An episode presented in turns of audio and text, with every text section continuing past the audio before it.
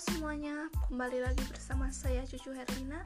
Dari kelompok 2 Grab, saya akan menyampaikan materi yang disampaikan oleh Kak Pasha dan Kak Andi Yaitu kemampuan manajerial. Kemampuan manajerial adalah keahlian menggerakkan orang lain untuk bekerja dengan baik untuk mencapai tujuan yang telah ditentukan organisasi. Kemampuan ini berasal dari pengamatan dan pengalaman sang pemimpin. Pemimpin harus sanggup dekat secara emosional pada anggotanya agar pada anggota dapat memberikan dukungan dengan komitmen yang kuat pada tim kerjanya. Hasilnya adalah sebuah tim yang dapat bekerja secara optimal. Kompetensi yang dibutuhkan yaitu kemampuan teknis, kemampuan konseptual, dan kemampuan kemanusiaan.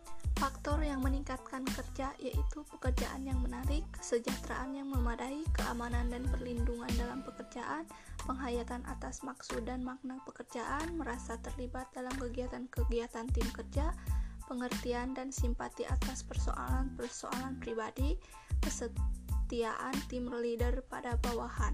Penyebab rendahnya kemampuan manajerial, kurang memahami tugas sebagai seorang pemimpin, kurang memahami peran manajerial, kurang memotivasi dan menggerakkan anggota, kurang antusias terhadap penugasan, kurang ketegasan dalam pengambilan keputusan.